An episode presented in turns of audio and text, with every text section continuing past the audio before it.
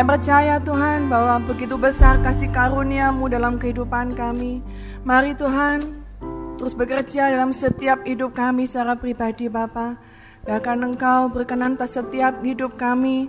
Engkau yang, oh Tuhan, menyertai setiap langkah-langkah hidup kami. Supaya kami terus Tuhan melakukan sesuai dengan kehendak dan rencanamu Bapa. Terima kasih Tuhan.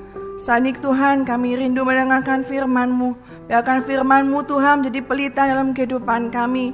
Supaya terang-Mu Tuhan bercahaya dalam setiap jalan-jalan hidup kami Bapa. Untuk menuntun kami Tuhan berjalan sampai ke tanah perjanjian kami Tuhan. Terima kasih Bapa, terima kasih. Bila segala kuasa iblis yang ingin mencuri benih-benih firman-Mu Saat ini kami hancurkan di dalam nama Yesus Kristus. Biarkan Tuhan benih-benih firman-Mu itu akan tertanam dalam setiap hati kami yang subur Tuhan Yang terus akan berbuah-buah dalam kehidupan kami. Terima kasih Bapa, kami siap mendengarkan firman-Mu. Di dalam nama Tuhan Yesus Kristus kami berdoa. Haleluya, amin. Shalom ada sukacita saudara? Amin? Iya. Sebelumnya berikan salam kanan kiri. Ya. Uh, sesuai dengan perkataan tadi yang di Asyir. Asyir tadi bicara apa waktu berikan salam? Ada yang ingat? Halo? Tadi Asyirnya bicara apa waktu di depan memberikan salam? Masih ingat? Yesus memanggil engkau dengan namamu. Ayo coba berikan salam kanan kirinya. Yesus memanggil engkau dengan namamu. Sudah diamini saudara? Amin. Amin. Saudara saya percaya bahwa uh, kita barusan memasuki tahun 2015 ya, belum genap satu bulan kita berjalan di dalam tahun 2015 dan tahun 2015 kita percaya bahwa ini adalah tahun perkenanan Tuhan God's favor, saudara. Nah, saudara, bagaimana kita menerima perkenanan Tuhan dalam kehidupan kita, saudara? Bagaimana kita, kalau kita lihat di depan, walk in God's favor, berjalan di dalam perkenanan Tuhan. Nah, saudara, bagaimana realis, eh, realitanya kita berjalan di dalam perkenanan Tuhan itu, saudara? Perkenanan Tuhan itu merupakan sesuatu hal yang luar biasa menurut saya ya. Perkenanan Tuhan, kasih karunia Tuhan itu suatu sungguh suatu hal yang luar biasa, saudara. Saya nggak bisa mengungkapkan dengan kata-kata karena itu adalah suatu hal yang sungguh luar biasa, ya. Karena um, perkenanan Tuhan itu berarti menyatakan bahwa Tuhan berkenan terhadap seseorang. Tuhan memiliki hati terhadap seseorang. Tuhan benar-benar benar-benar berkenan ya seperti itu ya, tidak bisa diungkapkan dengan kata-kata saudara. Bagaimana kita bisa menerima perkenanan Tuhan itu saudara? Kita baca terlebih dahulu dalam kitab Roma pasal yang ke-9.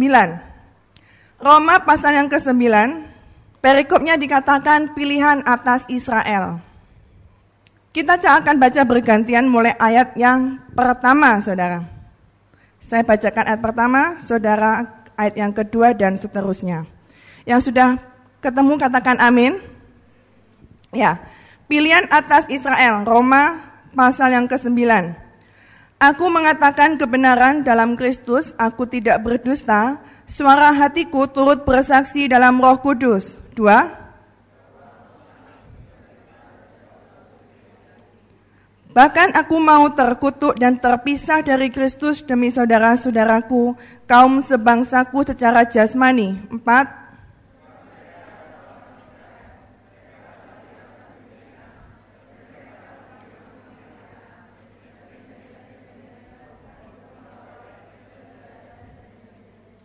Kelima, mereka adalah keturunan bapak-bapak leluhur yang menurunkan Mesias dalam keadaannya sebagai manusia yang ada di atas segala sesuatu. Ia adalah Allah yang harus dipuji sampai selama-lamanya. Amin. 6.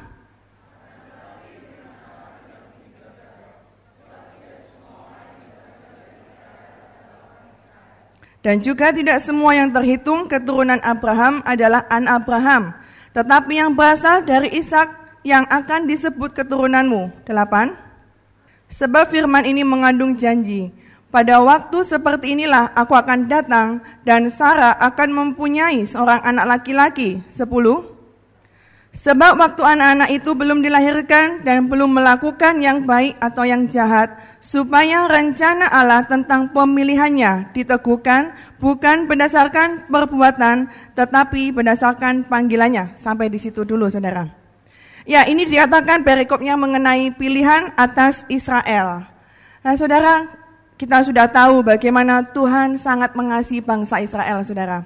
Bangsa Israel adalah bangsa pilihan Tuhan. Walaupun dalam perjalanannya, bangsa Israel sering, uh, sering sekali melakukan kejahatan di mata Tuhan. Bangsa Israel sering kali membuat hati Tuhan berduka, saudara. Kalau kita lihat dalam kitab kejadian, kita akan lihat bagaimana perjalanan bangsa Israel, kitab keluaran, ulangan, dan seterusnya, saudara bangsa Israel sering kali berontak kepada Tuhan. Tapi kalau kita lihat di sini, sebelumnya itu saudara, bahwa Tuhan sebenarnya sangat mengasihi bangsa Israel.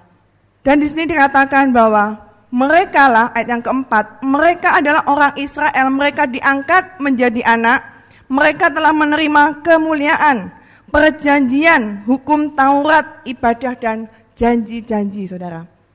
Kita percaya bersama bahwa Bangsa Israel tidak hanya secara jasmani, saudara. Kita semua adalah Israel-Israel secara rohani, bangsa pilihan Tuhan, bahwa Tuhan sudah memilih kita, saudara, untuk mendapatkan kemuliaan Tuhan, untuk mendapatkan janji-janji yang Tuhan berikan sebagai bangsa pilihan Tuhan. Saudara, kalau kita lihat selanjutnya, bahwa bangsa Israel dipilih oleh Tuhan, dan kalau kita lihat pada ayat yang ke-11, Sebab waktu anak-anak itu belum dilahirkan dan belum melakukan apa yang baik dan yang jahat, supaya rencana Allah tentang pemilihannya diteguhkan bukan berdasarkan perbuatan, tetapi berdasarkan panggilan Tuhan, saudara. Saudara, pilihan Tuhan itu tidak didasarkan atas perbuatan baik kita. Mungkin kita mau berpikir, wah Tuhan memilih seseorang karena orang itu sempurna, karena orang itu selalu uh, tidak pernah bercelah di hadapan Tuhan. Saudara dengan firman Tuhan dikatakan rencana pemilihan Tuhan atas hidup kita bukan karena kita dasarnya adalah orang yang baik, saudara. Tuhan memanggil engkau dengan namamu, ya, bukan karena engkau orang yang baik, tapi karena Tuhan mengasihi kita. Tuhan punya rencana sejak semula bahkan sebelum kita dilahirkan bahwa Tuhan akan memberikan perkenanan itu dalam hidup kita. Tuhan akan memberikan kasih karunia itu dalam hidup kita. Untuk apa saudara? Untuk dipilih dan dipanggil Tuhan saudara. Saudara, suatu hal yang sungguh luar biasa. Dan kita lihat selanjutnya saudara. Bagaimana Tuhan memilih seseorang bukan atas perbuatan baik kita. Kalau kita lihat selanjutnya, kita baca saudara ayat yang ke-12. Dikatakan kepada Ribka, anak yang tua akan menjadi hamba anak yang muda. Seperti ada tertulis, aku mengasihi Yakub tetapi membenci Esau. Jika demikian, apakah yang hendak kita katakan? Apakah Allah tidak adil? Mustahil. Sebab ia berfirman kepada Musa, aku akan menaruh belas kasihan kepada siapa aku mau menaruh belas kasihan. Dan aku akan bermurah hati kepada siapa aku mau bermurah hati. Jadi hal itu tidak tergantung pada kehendak orang atau usaha orang, tetapi kepada apa saudara? Kemurahan hati Allah. Saudara, rencana pemilihan Tuhan tidak bergantung pada usaha orang. Bagaimana engkau berusaha sebaik mungkin untuk engkau dipilih oleh Tuhan, berusaha sebaik mungkin engkau mendapat perkenanan Tuhan, tapi awal mula pemilihan Tuhan adalah karena tergantung dari kehendak hati Tuhan. Tergantung pada kemurahan hati Tuhan. Kenapa Tuhan memilih Yakub dan bukan memilih Esau? Apakah kita berkata Tuhan tidak adil? Kenapa Tuhan memilih orang itu? Bukan memilih orang yang lain, saudara. Mungkin kita bertanya-tanya, apa alasan Tuhan, saudara? Tapi firman Tuhan mau katakan, aku menaruh belas kasihan kepada siapa aku mau menaruh belas kasihan. Aku akan bermurah hati kepada siapa aku mau bermurah hati. Saudara kita tidak bisa mempertanyakan bagaimana kedaulatan Tuhan. Pemilihan Tuhan adalah kedaulatan Tuhan. Perkenanan Tuhan adalah kedaulatan Tuhan. Itu adalah satu hal yang pertama yang perlu kita pahami, saudara. Bukan karena usaha kita, bukan karena kebaikan kita. Tapi belum stop sampai di situ, saudara. Ada suatu hal lain yang perlu kita pelajari mengenai perkenanan Tuhan, saudara. Saudara, bagaimana orang yang menerima perkenanan Tuhan, dia bisa berjalan di dalam perkenanan Tuhan. Ada sesuatu yang harus kita pelajari. Kenapa Tuhan lebih memilih Yakub bukan memilih Esau. Saudara, kalau kita lihat kisah mengenai Yakub dan Esau, kita akan buka dalam kitab Kejadian, Saudara. Kita lihat dalam Kejadian pasal yang ke-25. Kisah mengenai Esau dan Yakub. Esau dan Yakub adalah anak dari siapa? Siapa Saudara? Ishak. Ishak adalah anaknya Abraham. Kalau kita lihat ya perjanjian Tuhan atas bangsa Israel, kau akan mendapatkan berkat keturunan seperti bapamu siapa? Abraham, Ishak dan Yakub. Yakub termasuk di dalamnya. Abraham, Ishak dan Yakub. Kenapa bukan Abraham, Ishak dan Esau, Saudara? Abraham, Ishak dan Yakub. Kita akan lihat dalam kitab Kejadian 25 mulai ayat yang ke-19. Kita akan baca bergantian, saudara. Ayat yang ke-19. Inilah riwayat keturunan Ishak an Abraham. Abraham memperanakkan Ishak. 20. Berdoalah Ishak kepada Tuhan untuk istrinya sebab istrinya itu mandul. Tuhan mengabulkan doanya sehingga Ribka istrinya itu mengandung. 22. Firman Tuhan kepadanya, dua bangsa ada dalam kandunganmu, dan dua suku bangsa akan berpencar dari dalam rahimu. Suku bangsa yang satu akan lebih kuat dari yang lain dan anak yang tua akan menjadi hamba kepada anak yang muda. 24 Keluarlah yang pertama warnanya merah, seluruh tubuhnya seperti jubah berbulu, sebab itu ia dinamai Esau. 26 Lalu bertambah besarlah kedua anak itu, Esau menjadi seorang yang pandai berburu, seorang yang suka tinggal di padang, tetapi Yakub adalah seorang yang tenang, yang suka tinggal di kemah. 28 pada suatu kali Yakub sedang memasak sesuatu, lalu datanglah Esau dengan lelah dari padangnya. Kata Esau kepada Yakub, "Berikanlah kiranya aku menghirup sedikit dari yang merah-merah itu karena aku lelah." Itulah sebabnya namanya disebutkan Edom. 31 Saud Esau, sebentar lagi aku akan mati. Apa gunanya bagiku hak kesulungan itu? Kata uh, tiga tiga. Lalu Yakub memberikan roti dan masakan kacang merah itu kepada Esau. Ia makan dan minum, lalu berdiri dan pergi. Demikianlah Esau memandang ringan hak kesulungan itu. Saudara, kenapa Tuhan lebih memilih Yakub daripada memilih Esau? Tuhan ini uh, ini adalah suatu kedaulatan Tuhan, saudara. Kadang kita nggak mengerti, ya. Tetapi Tuhan itu maha tahu. Ya, seperti kita lihat uh, Bapak Gembala dulu pernah memberikan pengajaran mengenai bahwa Tuhan itu adalah maha tahu. Tuhan tahu siapa yang akan diselamatkan. Eh, predestinasinya Tuhan. Tetapi Tuhan seolah-olah tidak memakai kemahatauannya, sering kali nggak memakai kemahatauannya, dan kepengen semua orang memang diselamatkan. Nah, saudara, dalam kitab ini kita tahu bahkan sebelum Esau dan Yakub dilahirkan, Tuhan sudah berkata, ada dua bangsa dalam kandunganmu dan dua suku bangsa berpencar dalam rahimu. Yang satu dia akan lebih kuat daripada yang lain. Dan yang tua akan menjadi hamba kepada yang muda. Tuhan sudah tahu bahwa Yakublah nanti yang akan mendapatkan berkat itu saudara.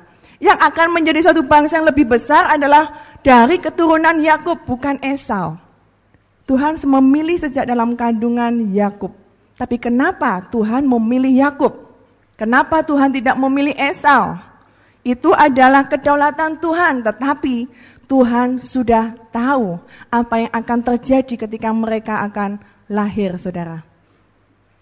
Saudara bisa memahami hal ini, saudara? Ya, mungkin agak-agak membingungkan ya. Tetapi kita mau belajar sama-sama saudara bahwa ini adalah kebenaran bahwa Tuhan sudah tahu apa yang akan terjadi.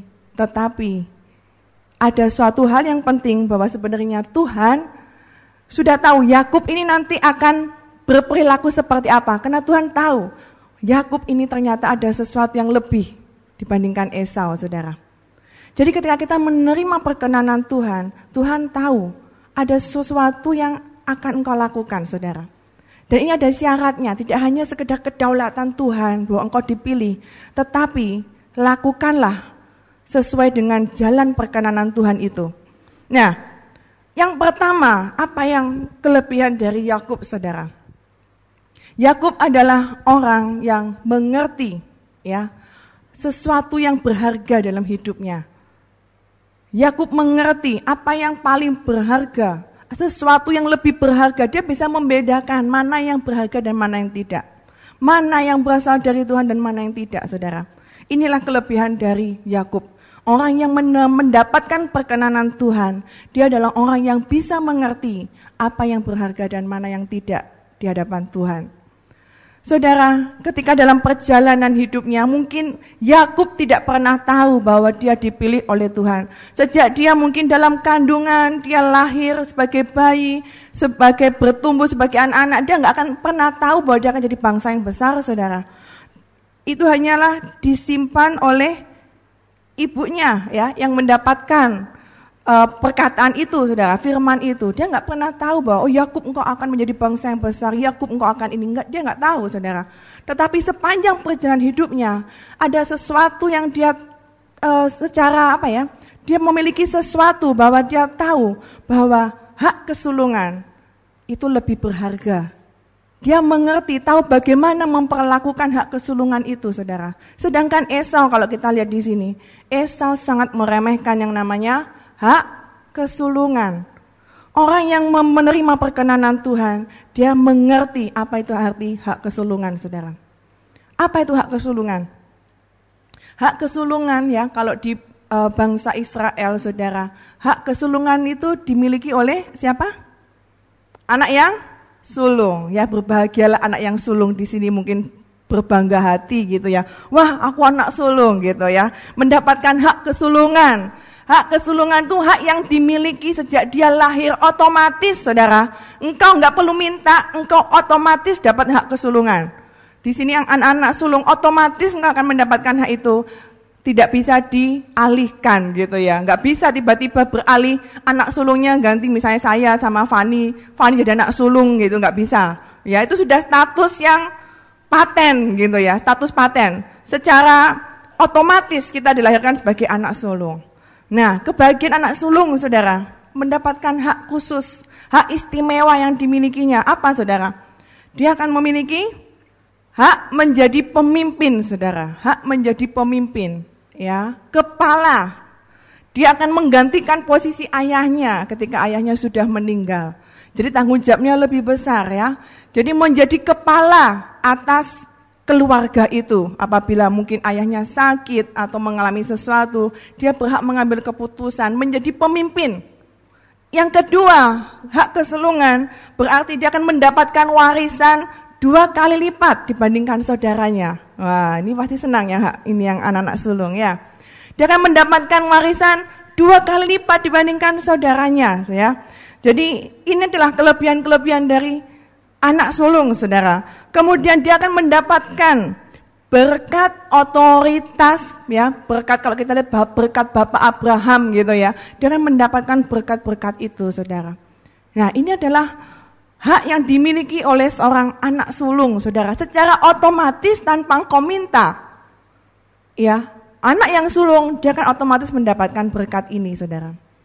Itu suatu hal yang luar biasa, ya.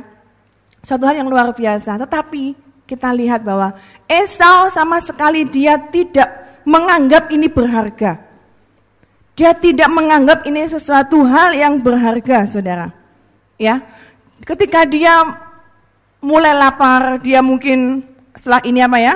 Dia dari berburu, dia capek, dia lapar karena mungkin Yakub ini masakannya enak sekali gitu ya. Dia tenang, mungkin ya mungkin perawakannya itu seper, lembut seperti perempuan gitu ya, tapi bukan lembeng mungkin ya. ya, dia tenang gitu ya, dia halus ya, kulitnya halus gitu ya. Jadi mungkin pandai memasak karena mungkin sering membantu ibunya, disayang oleh ibunya, sering masak-masak yang enak-enak saudara. Sehingga ketika Esau dia mulai lapar, dia mulai uh, kecapean. Apa yang dia cari? Dia mencari makanan. Dan mungkin waktu itu dia melihat, wow, Yakub memasak yang enak, kacang merah. Saya nggak tahu bagaimana enaknya kacang merah itu, saudara. Sampai Esau begitu menginginkannya, ya. Sampai dia rela menjual hak kesulungan itu kepada Yakub saudara. Apa kata Esau? Dia menganggap remeh dan dia berkata sebentar lagi aku akan mati. Buat apa hak kesulungan itu? Sebentar lagi aku sudah mati nggak ada gunanya Saudara, orang yang meremehkan hak kesulungan, dia tidak akan pernah menerima berkat dan perkenanan Tuhan. Hak kesulungan yang tadi saya sebutkan itu adalah hak secara orang Israel ya secara seperti itu. Tapi apa sebenarnya hak kesulungan itu saudara? Itu berbicara perkenanan Tuhan, berbicara berkat-berkat Tuhan yang akan Tuhan berikan dalam hidup kita. Ternyata Esau tidak pernah memperhatikan itu. Tidak menganggap hak kesulungan sebagai sesuatu hal yang berharga. Hanya karena apa saudara? Makanan. Itu bicara nafsu saudara. Bagaimana apakah kita akan menukarkan Tuhan, kasih karunia Tuhan? Apakah kita akan melemparkan perkenanan Tuhan hanya dengan sepiring kacang merah, saudara? Saudara tahu bahwa sebenarnya perkenanan Tuhan, berkat Tuhan, itu ternyata bisa dialihkan Ya, memang itu kedaulatan Tuhan, tetapi itu bisa dialihkan. Kita nanti akan belajar, saudara. Ternyata kita kalau mau berjalan sudah menerima perkenanan Tuhan, kita harus berjalan di dalam perkenanan Tuhan itu, supaya kita bisa berjalan sampai garis akhir ke tanah perjanjian kita, saudara. Jangan kita bersantai-santai, wah ini Tuhan sudah berkenan kepadaku, aku akan bertindak seenaknya toh Tuhan pasti akan tetap mengasihi aku walaupun aku berbuat dosa, walaupun aku jatuh, kan itu kedaulatan Tuhan. Itu suatu hal yang salah, Saudara. Memang Tuhan tahu kepada siapa dia memilih dan Tuhan tahu dia akan berjalan seperti apa. Saudara, eh, saudara kalau kita lihat Yakub dia sangat menginginkan yang namanya hak kesulungan, perkenanan Tuhan. Karena itu Tuhan mengasihi Yakub tetapi membenci Esau. Saudara, kalau kita lihat di dalam kitab Ibrani, kita akan lihat, saudara, kitab Ibrani pasal yang ke-12. Ibrani pasal yang ke-12, ayat yang ke-16. Ibrani 12 ayat yang ke-16 dikatakan, Janganlah ada orang yang menjadi cabul atau yang mempunyai nafsu yang rendah seperti Esau yang menjual hak kesulungannya untuk sepiring makanan Sebab kamu tahu bahwa kemudian ketika ia hendak menerima berkat itu, ia ditolak. Sebab ia tidak beroleh kesempatan untuk memperbaiki kesalahannya, sekalipun ia mencarinya dengan mencucurkan air mata. Saudara, begitu penting yang namanya hak kesulungan di dalam kehidupan kita. Hak kesulungan sekali lagi berbicara mengenai perkenanan dan kasih karunia Tuhan. Berkat-berkat yang Tuhan akan berikan dalam hidup kita Saudara, jangan menganggap remeh hak kesulungan. Dan hak kesulungan itu saudara akan dipertahankan dengan keintiman dengan Tuhan. Saudara, hak kesulungan akan dipertahankan dengan keintiman. Ketika kita nggak intim dengan Tuhan, kita nggak akan pernah bisa mempertahankan hak kesulungan itu, saudara. Esau dia sudah menerima hak kesulungan itu di tangannya, tetapi dia tidak bisa mempertahankan hak kesulungan itu. Kenapa? Karena dia tidak dekat dengan Tuhan. Dia tidak bisa mengerti, memahami betapa pentingnya tinggal di dalam Tuhan, betapa pentingnya menerima perkenanan Tuhan. Karena dia nggak pernah dekat dengan Tuhan, dia nggak tahu arti hak kesulungan yang sebenarnya, saudara. Dan karena dia memiliki nafsu yang rendah, dia menukarkan hak kesulungan dengan hal-hal yang sepele, saudara. Jangan sampai dalam kehidupan kita, dalam menerima perkenanan Tuhan, Tuhan mungkin sudah berikan perkenanan dalam hidup kita, sudah berikan hak kesulungan dalam hidup kita. Jangan pernah kita meremehkan kasih karunia itu dan menjualnya dengan sesuatu yang sia-sia. Jangan sampai kita menjual Tuhan, menjual kasih karunia Tuhan dengan dunia ini, saudara. mungkin di pekerjaan kita, karena demi pekerjaan kita menjual hak kesulungan kita. Demi pasangan saudara, kita menjual hak kesulungan kita. Demi kekayaan dunia, demi jabatan, demi apa pun di dunia ini saudara, kita menjual perkenanan Tuhan di dalam hidup kita. Maka saudara ketika kita menjualnya dengan sepiring kacang merah, maka kita akan kehilangan perkenanan Tuhan. Kita akan kehilangan hak kesulungan itu dalam hidup kita.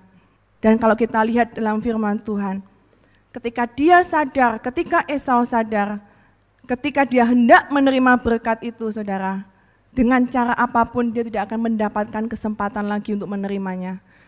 Dia sangat ketika kalau kita lihat kitab kejadian selanjutnya ya, ketika akhirnya Esau memberkati Yakub, entah gak bagaimana caranya, mungkin kita tidak bisa merancangkan bagaimana caranya, Ya itulah kedaulatan Tuhan. Kenapa kok bisa Yakub membodohi Esau gitu ya, menjualnya. Kemudian bagaimana akhirnya Yakub, ya Yakub bukan orang yang baik saudara, tapi dia mengerti bagaimana um, pentingnya itu hak kesulungan.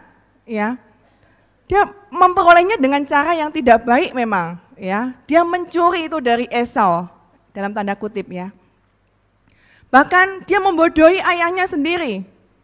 Ketika Ishak menumpangkan tangannya, ya dia pura-pura seperti Esau, dikasih bulu-bulu ya, dikasih bau-bauan padang, dia pura-pura menjadi seperti Esau. Mungkin itu suatu hal yang, ya itu tidak hal yang uh, suatu hal yang tidak baik.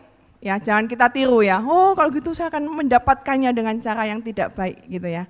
Itulah kedaulatan Tuhan. Entah bagaimana caranya, dia akhirnya bisa mendapatkan hak kesulungan itu, perkenanan Tuhan itu, saudara. Ya, sampai akhirnya dia mendapatkan itu dan ketika Esau mengetahuinya bahwa berkat itu telah diambil, dia sangat menyesal. Dia menangis-nangis, dia minta-minta kepada ayahnya, kepada Ishak, tetapi itu sudah terlambat. Dia tidak akan pernah bisa mendapatkan berkat kesulungan itu lagi, Saudara. Dan apa yang dia dapatkan? Dia mendapatkan sisa-sisanya, bahkan atau mungkin kutuk, Saudara. Itulah satu hal yang mungkin perlu kita pahami Mungkin kita uh, sulit memahami saudara, Yakub kenapa orangnya seperti itu dipilih oleh Tuhan. Karena Tuhan tahu sebenarnya dia mempunyai sesuatu hal yang lain saudara. Mungkin dia awalnya bukan orang yang baik, ya dia belum sampai pada pertobatan, tapi dia memiliki suatu hati ya. Selanjutnya saudara ya. Jadi yang pertama Yakub kenapa dia mendapatkan perkenanan Tuhan? Karena apa? Dia menghargai, mengetahui sesuatu yang berharga yaitu hak kesulungan, saudara. Yang kedua, kalau kita lihat kembali dalam kitab Roma, kita kembali lagi ke Roma, saudara. Kita lihat Roma yang ke-9 selanjutnya, ayat yang ke-19. Sekarang kamu akan berkata kepadaku, jika demikian, apalagi yang masih disalahkannya, sebab siapa yang menentang kehendaknya, siapakah kamu, hai manusia, maka kamu membantah Allah, Dapatkah yang dibentuk berkata kepada yang membentuknya, mengapa engkau membentuk aku demikian? 21. Apakah tukang periuk tidak mempunyai hak atas tanah liatnya untuk membuat dari gumpal yang sama suatu benda untuk dipakai guna tujuan yang mulia dan suatu benda yang lain untuk dipakai guna tujuan yang biasa? Sampai situ saudara. Saudara yang kedua, bagaimana kita berjalan dalam perkenanan Tuhan? Yaitu kita belajar untuk taat atas kedaulatan Tuhan. Taat atas kedaulatan Tuhan. Taat atas bentukan Tuhan, saudara. Saya percaya Yakub pada mulanya memang dia bukan orang yang baik, ya. Dia pencuri, dia pembohong, saudara.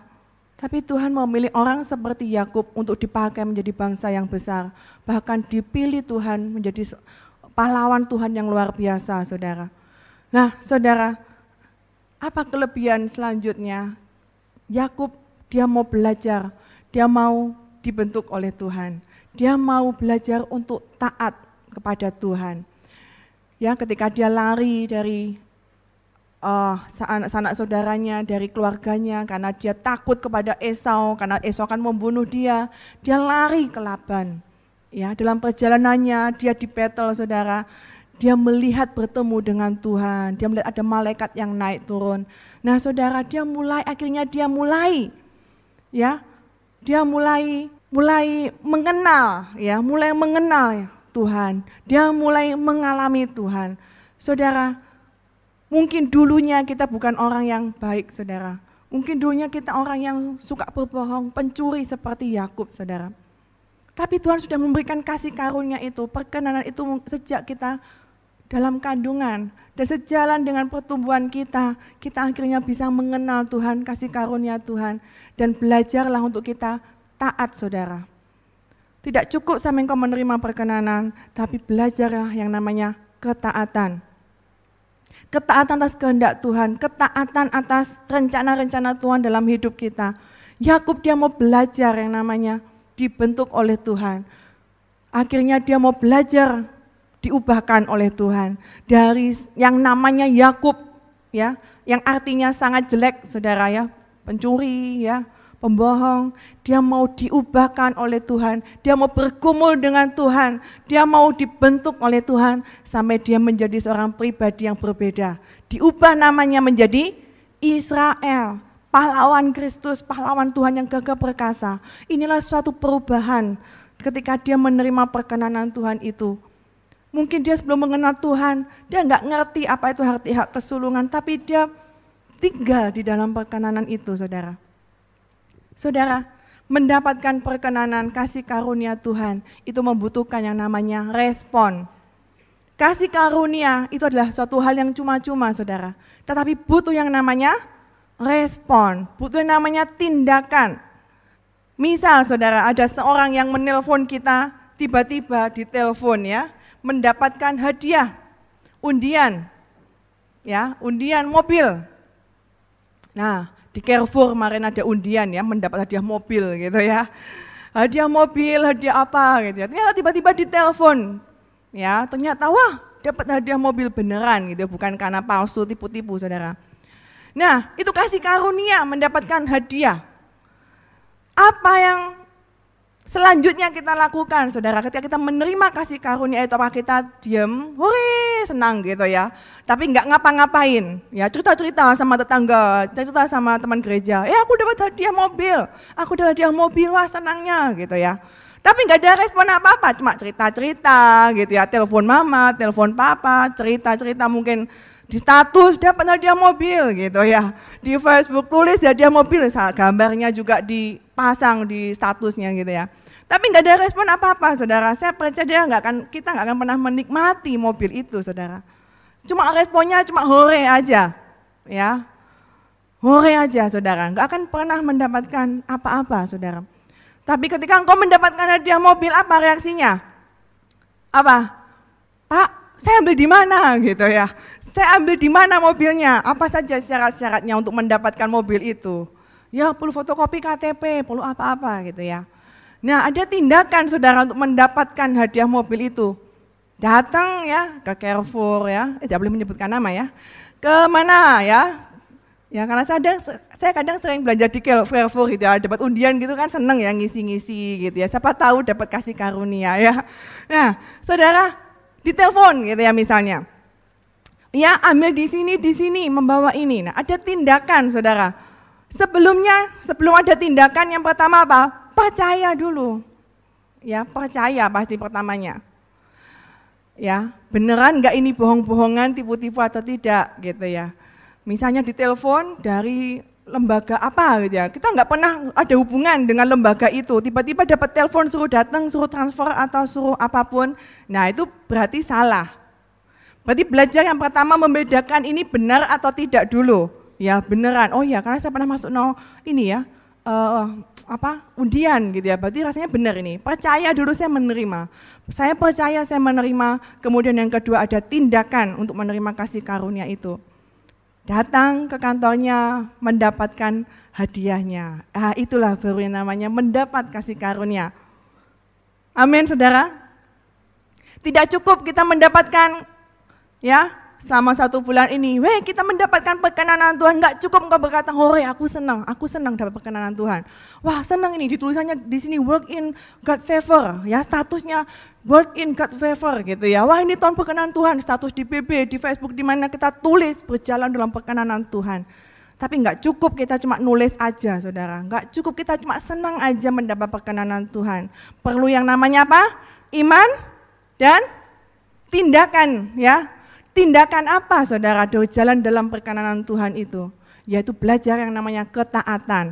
Mau dibentuk oleh Tuhan, seperti Yakub dia akhirnya mengalami perubahan dalam hidupnya. Setelah dia menerima kesulungan mendapatkan berkat, dia diubahkan oleh Tuhan. Dia diubahkan menjadi Israel, menjadi pahlawan Tuhan. Mungkin saat kita menerima perkenanan Tuhan saat ini, mungkin kondisi kita masih sepertinya nggak layak di hadapan Tuhan.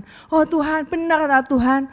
Orang seperti aku mendapat perkenanan Tuhan. Itu mungkin pertanyaan yang sama seperti yang Yakub mungkin tanyakan kepada Tuhan. Tuhan, aku ini pencuri loh, aku ini suka merebut loh, malah ini aku berkat ini aku rebut dari saudaraku. Tapi engkau mau memilih aku Tuhan. Itu mungkin awal mulanya kita menerima perkenanan saudara. Tetapi Yakub tidak cukup stop sampai di situ. Tidak cukup stop sampai pada kedaulatan Tuhan. Tapi dia juga berjalan di dalam perkenanan Tuhan itu. Amin. Belajar mau diubahkan oleh Tuhan. Mungkin kita masih belum sempurna. Karena itu kita belajar mau dibentuk oleh Tuhan.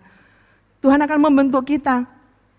Bagaimana kita bisa membantah Tuhan? Saya percaya Tuhan mau bentuk kita menjadi gumpalan-gumpalan dari gumpalan-gumpalan tanah liat yang jelek. Tuhan mau bentuk kita menjadi benda-benda yang dipakai tujuan yang mulia, saudara. Amin. Kita mau dipakai Tuhan dari tujuan yang mulia, tujuan yang luar biasa. Nah saudara, berjalan dalam perkenanan Tuhan, belajar kita mau taat saudara. Mempertahankan hak kesulungan, Saudara, jangan kita hanya senang, saudara, kita menerima perkenanan, menerima hak kesulungan, itu bisa direbut. Kalau kita lihat dalam kitab kejadian, saudara, nggak usah dibuka mungkin ya. Oh dibuka aja biar enak ya. Kejadian, kejadian 49. Kita lihat, kejadian 49. Nah saudara, setelah Abraham memperanakkan Ishak ya, Ishak memperanakkan Yakub. Yakub dia memperanakkan 12 suku Israel. Nah, ketika saatnya Yakub sekarang yang memberikan berkat kepada anak-anaknya, Saudara. Anak pertama dari Yakub siapa? Ruben. Ruben berarti anak yang anak yang sulung. Berarti dia seharusnya berhak untuk mendapatkan hak kesulungan, saudara. Kita lihat, saudara, ayat yang keempat. Ayat yang ketiga terlebih dahulu. Kejadian 49 ayat yang ketiga, Ruben, anak yang pertama ya, Engkaulah anak sulungku, kekuatanku dan permulaan kegagahanku. Engkaulah yang terutama dalam keluhuran, yang terutama dalam kesanggupan. Engkau yang membual seperti air, tidak lagi engkau yang terutama, sebab engkau telah menaiki tempat tidur ayahmu. Waktu itu engkau telah melanggar kesuciannya. Dia telah menaiki petiduranku. Saudara Ruben, anak yang sulung, dikatakan engkau tidak lagi yang terutama. Mungkin dia sudah kehilangan hak kesulungan. Kenapa? Karena tidak, tidak bisa mempertahankan hak kesulungan itu, saudara. Saudara belajar mempertahankan perkenanan Tuhan dalam hidup kita. Pilihan Tuhan. Tuhan pertama memilih Saul sebagai raja. Saya percaya Tuhan sangat mengasihi Saul, tetapi dia bisa digantikan oleh Daud, di mana Daud lebih ber, uh, Tuhan lebih berkenan kepada Daud daripada kepada Saul. Kenapa? Tuhan mem memilih Daud karena Daud memiliki hati yang mau dibentuk. Dia mungkin bukan orang yang sempurna. Dia berdosa, bahkan dia berzinah dengan orang, istri orang gitu ya. Tetapi kenapa Daud tetap menga, uh, Tuhan tetap mengasihi Daud karena Daud mau dibentuk. Daud mau belajar taat, memiliki hati yang lembut. Ketika dia berbuat dosa, dia mau cepat bertobat. Tetapi ketika Saul, ketika dia ditegur oleh Nabi, dia selalu punya banyak alasan untuk membenarkan dirinya, saudara. Saudara, kalau kita mau menjaga perkenanan Tuhan, berjalan dalam perkenanan Tuhan, kita mau belajar taat, setia kepada Tuhan, berjalan di dalam keintiman. Sebab tanpa keintiman dengan Tuhan, kita tidak akan pernah bisa berjalan di dalam perkenanan. Amin. Kita akan berdoa, saudara. Ya, silakan pemain musik. Terima kasih Tuhan, Kau Allah yang sungguh luar biasa Tuhan. Kami bersyukur Bapa atas segala kebaikan-Mu dalam kehidupan kami. Terima kasih Tuhan atas pemilihan dan pemanggilan-Mu dalam kehidupan kami Bapa. Mari Tuhan Kau pimpin setiap kami Bapa untuk kami tetap belajar Tuhan, untuk kami mau setia, kami mau taat atas setiap kehendak-Mu dalam hidup kami. Ajari kami Tuhan, mampukan kami Tuhan untuk kami berjalan di dalam perkenanan-Mu tidak hanya kami menerima kasih karunia, tidak hanya menerima perkenananmu Tuhan, tapi biarlah kami berjalan di dalam kasih karunia itu, berjalan di dalam perkenanan itu Tuhan. Kami percaya bahwa akan panggil kami, Engkau pilih kami Tuhan untuk rencanamu yang besar. Tuhan, Engkau akan pakai kami Tuhan, di tengah-tengah dunia yang gelap ini Tuhan. Pakai setiap kami Tuhan perkenanan itu tidak hanya dipakai untuk memuaskan diri kami, untuk oh Tuhan, untuk kesenangan diri kami sendiri. Tapi itu semua untuk tujuanmu yang mulia Tuhan. Perkenanmu tuh Tuhan kau berikan kepada kami supaya kami melakukan rencanamu. Supaya kami oh Tuhan menggenapi setiap panggilanmu dalam kehidupan kami. Mari Tuhan, mari Tuhan. Lembutkan setiap hati kami Bapa. Lembutkan setiap hati kami Bapak. Haleluya Yesus.